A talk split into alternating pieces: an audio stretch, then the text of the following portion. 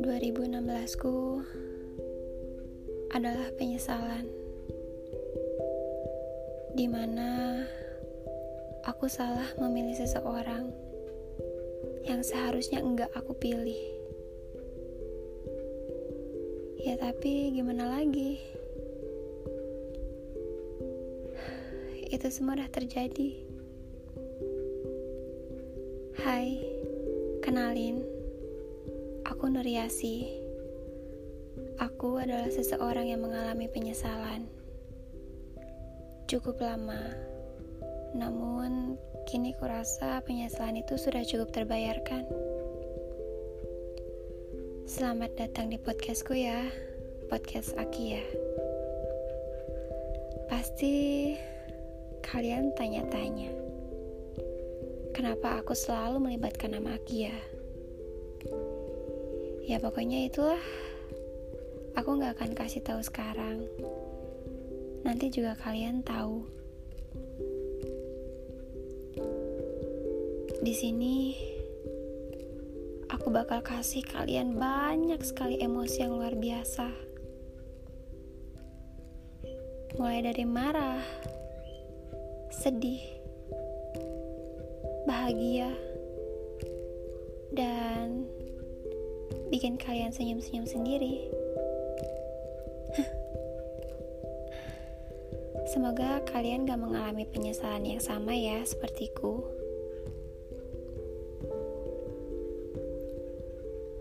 Throwback 2016 Saat aku menginjak bangku menengah kejuruan Aku bodoh banget di situ sempat banget dipertemukan dengan banyak lelaki. Salah satunya adalah kamu.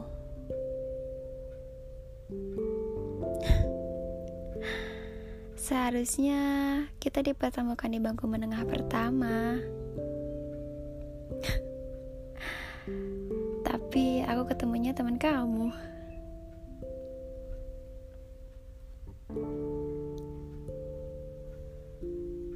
Tuhan baik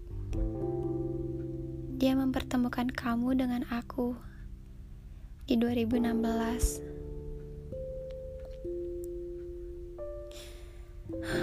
Tapi aku benar-benar bodoh di tahun itu. Kamu yang sangat amat baik bagi aku. Justru aku malah ngecewain kamu. Dan entah itu sengaja atau enggak, aku justru menyelukai hati kamu.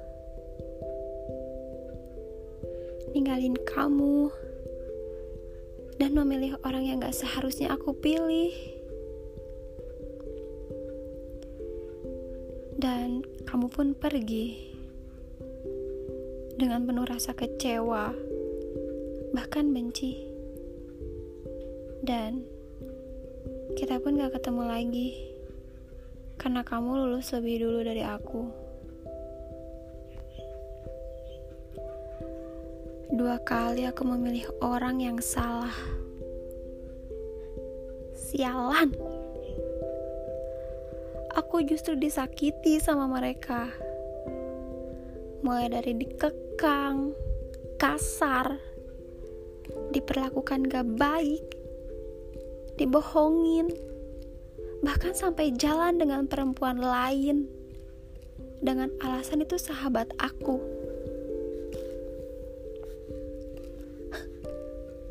Iya, saking butanya aku dulu sama yang namanya rasa suka, sayang, bahkan cinta, aku percaya-percaya aja. Tapi akhirnya aku melek juga. Yang namanya sayang, yang namanya cinta, itu gak nyakitin, gak toksik.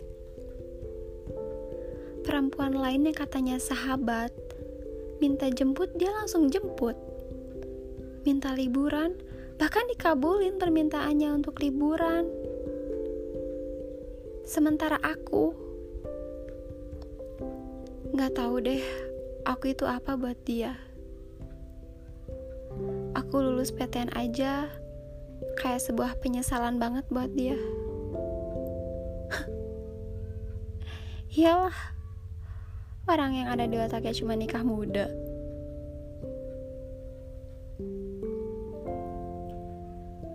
...2016... ...2017... ...itu terlalu bodoh bagiku untuk menyesal. Sangat amat menyesal. Dua kali aku memilih orang yang seharusnya enggak aku pilih.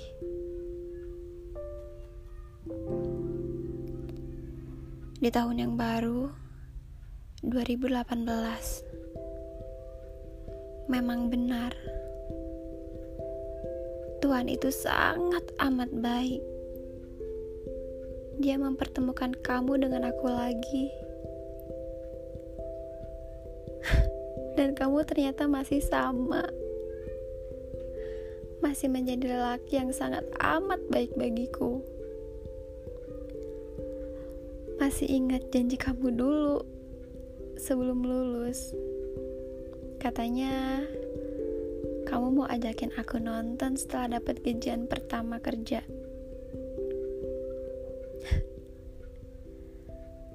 Tapi karena hari itu belum terbayarkan, kamu lunasi janji kamu di 2018.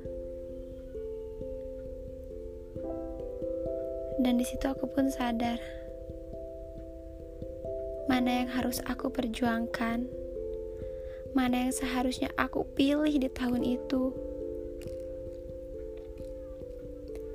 Dan ya, aku pilih kamu dengan telat di tahun 2018 itu.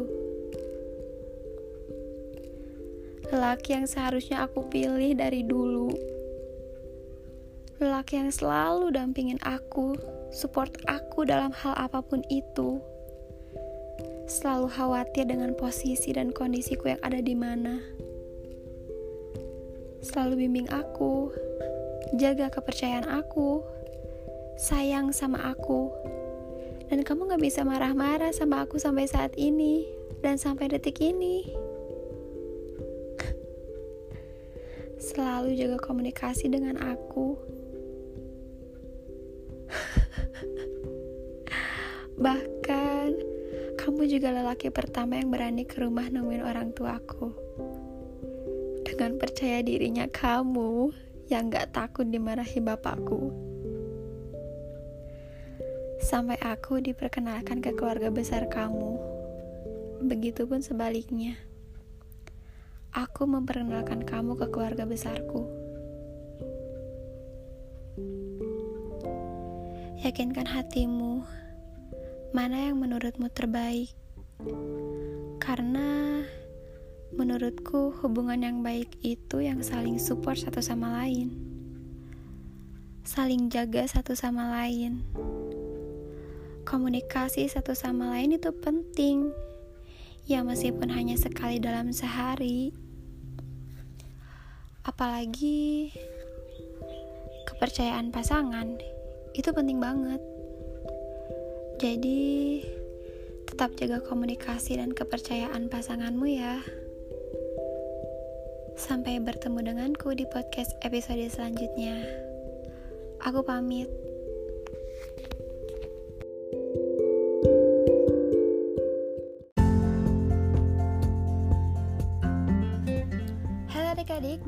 Dengan kakak Nuriasi di podcast Akia. Pada kesempatan kali ini, kakak akan membahas materi kelas 4 sekolah dasar. Dan materi yang akan kakak bahas ini terdapat pada buku tematik 4 subtema 1. Subbahasan yang kakak ambil yaitu pada mata pelajaran IPS, Matematika, dan IPA. Oh iya, kakak hampir lupa nih, kabar adik-adik gimana selama sekolah daring? Masih semangat kan? Atau jangan-jangan sekolah daringnya cuma sekedar absen doang? aduh jangan sampai kayak gitu ya itu nggak baik hmm, semoga semangat adik-adik tetap membara ya lebih membara dari semangat kakak Sebelumnya adik-adik sudah tahu belum buku tema 4 subtema 1 ini membahas mengenai apa? Nah, buku tema 4 subtema 1 ini membahas mengenai jenis-jenis pekerjaan. Hmm, membahas pekerjaan Adik-adik udah tahu belum sih apa itu pekerjaan? Oke, sebentar. Sepertinya kakak mendengar jawaban adik-adik nih dari sini. iya, pekerjaan adalah suatu kegiatan yang dilakukan oleh manusia dengan tujuan untuk memenuhi kebutuhan hidupnya. Nah, pekerjaan terbagi menjadi dua jenis. Ada pekerjaan penghasil barang dan pekerjaan penghasil jasa.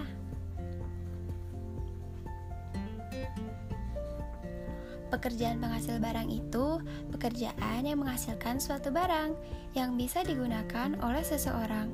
Contohnya, adik-adik pasti tahu karena pekerjaan itu ada di sekitar kita dan gak asing. Ya, ada petani, peternak, nelayan, pedagang, pengrajin, dan penjahit. Lalu ada pekerjaan penghasil jasa Pekerjaan ini adalah pekerjaan yang tidak menghasilkan barang, tapi hasil kerjanya bisa dirasakan oleh orang lain. Contohnya, seperti yang sudah kita temui dalam kehidupan sehari-hari, seperti guru, dokter, sopir, polisi, wartawan, dan perawat. Itu semua merupakan pekerjaan penghasil jasa, karena hasilnya itu bisa kita rasakan. Selain itu, pekerjaan penghasil jasa ada juga relawan lingkungan. Mereka inilah yang melakukan dan mengajak orang lain untuk menjaga keseimbangan alam dan pelestarian sumber daya alam. Nah, di dalam IPA, pelestarian sumber daya alam itu bertujuan agar sumber daya alam tidak cepat habis dan keseimbangannya tetap terjaga. Ada juga nih upaya menjaga kelestarian sumber daya alam. Salah satunya menjaga kelestarian hewan, di antaranya dengan mendirikan suaka marga satwa untuk melindungi hewan-hewan langka, mencegah perburuan dan penangkapan hewan secara liar, memanfaatkan hewan sesuai kebutuhan, dan membuat penangkaran hewan. Sementara itu, untuk menjaga kelestarian tumbuhan, kita dapat mendirikan cagar alam untuk melindungi tumbuhan langka. Kemudian mengganti tumbuhan yang sudah tidak produktif dengan tumbuhan yang baru, memanfaatkan tumbuhan sesuai dengan kebutuhan. Dalam menjaga keseimbangan alam, kita seharusnya tidak mencemari tanah dengan sampah dan zat berbahaya. Seharusnya kita perlu melakukan pemupukan dengan baik serta tidak mencemari perairan dengan sampah dan zat kimia berbahaya. Nah, adik-adik tahu tidak mengapa kita harus menjaga keseimbangan alam? Itu semua dilakukan agar tidak merugikan manusia maupun makhluk lainnya. Hmm, sampai sini adik-adik sudah mulai paham kan? Oh iya, Ngomong-ngomong, kita belum bahas matematika nih. Kali ini kakak akan membahas matematika mengenai luas dan keliling persegi. Pasti di sini adik-adik udah nggak asing kan apa itu persegi? iya, persegi adalah bangun datar dua dimensi yang memiliki empat sisi yang sama panjang dan empat titik sudut bagaimana cara menghitung keliling persegi? Nah, cara menghitung keliling persegi yaitu kita perlu menjumlahkan semua panjang sisinya. Misalnya, kakak punya persegi, panjang sisinya adalah 5 cm. Berarti keliling dari persegi itu adalah 20 cm. Kenapa demikian? Karena kita ketahui sendiri bahwa sisi persegi itu ada empat, jadi kita bisa menjumlahkan setiap sisinya, yaitu 5 ditambah 5 ditambah 5 ditambah 5, maka hasilnya adalah 20. Atau kita bisa menghitung kelilingnya dengan mengalihkan 4 yang berasal dari banyak sisi persegi dan 5 dari panjang sisi persegi. Jadi 4 dikali 5 adalah 20 cm. Selain mencari keliling, kita juga harus mencari luas dari persegi. Gimana ya caranya? Mudah banget loh adik-adik untuk mencari luas persegi. Kita hanya tinggal mengalihkan sisinya saja, yaitu sisi persegi dikali dengan sisi persegi. Jika kita mengambil contoh yang tadi, berarti luas persegi yang kita peroleh adalah 25. Mengapa? Karena sisi dikali sisi yaitu 5 dikali 5 maka hasilnya adalah 25 dengan satuan cm persegi atau cm kuadrat. Pasti adik-adik sedikit bingung ya kenapa mencari keliling hasilnya hanya cm sementara luas hasilnya cm kuadrat. Itu karena dalam menghitung luas satuannya itu dikalikan, sementara keliling satuannya itu ditambah. Oke adik-adik, gimana nih? Sudah mulai paham kan? Oke, kakak rasa cukup uh, karena pembahasan kita sudah cukup panjang nih. Semoga apa yang sudah kakak sampaikan bisa dipahami dengan baik ya. Jangan lupa terus belajar dan tetap semangat sekolah daringnya. Sampai bertemu dengan kakak di pembahasan selanjutnya. Kakak pamit ya.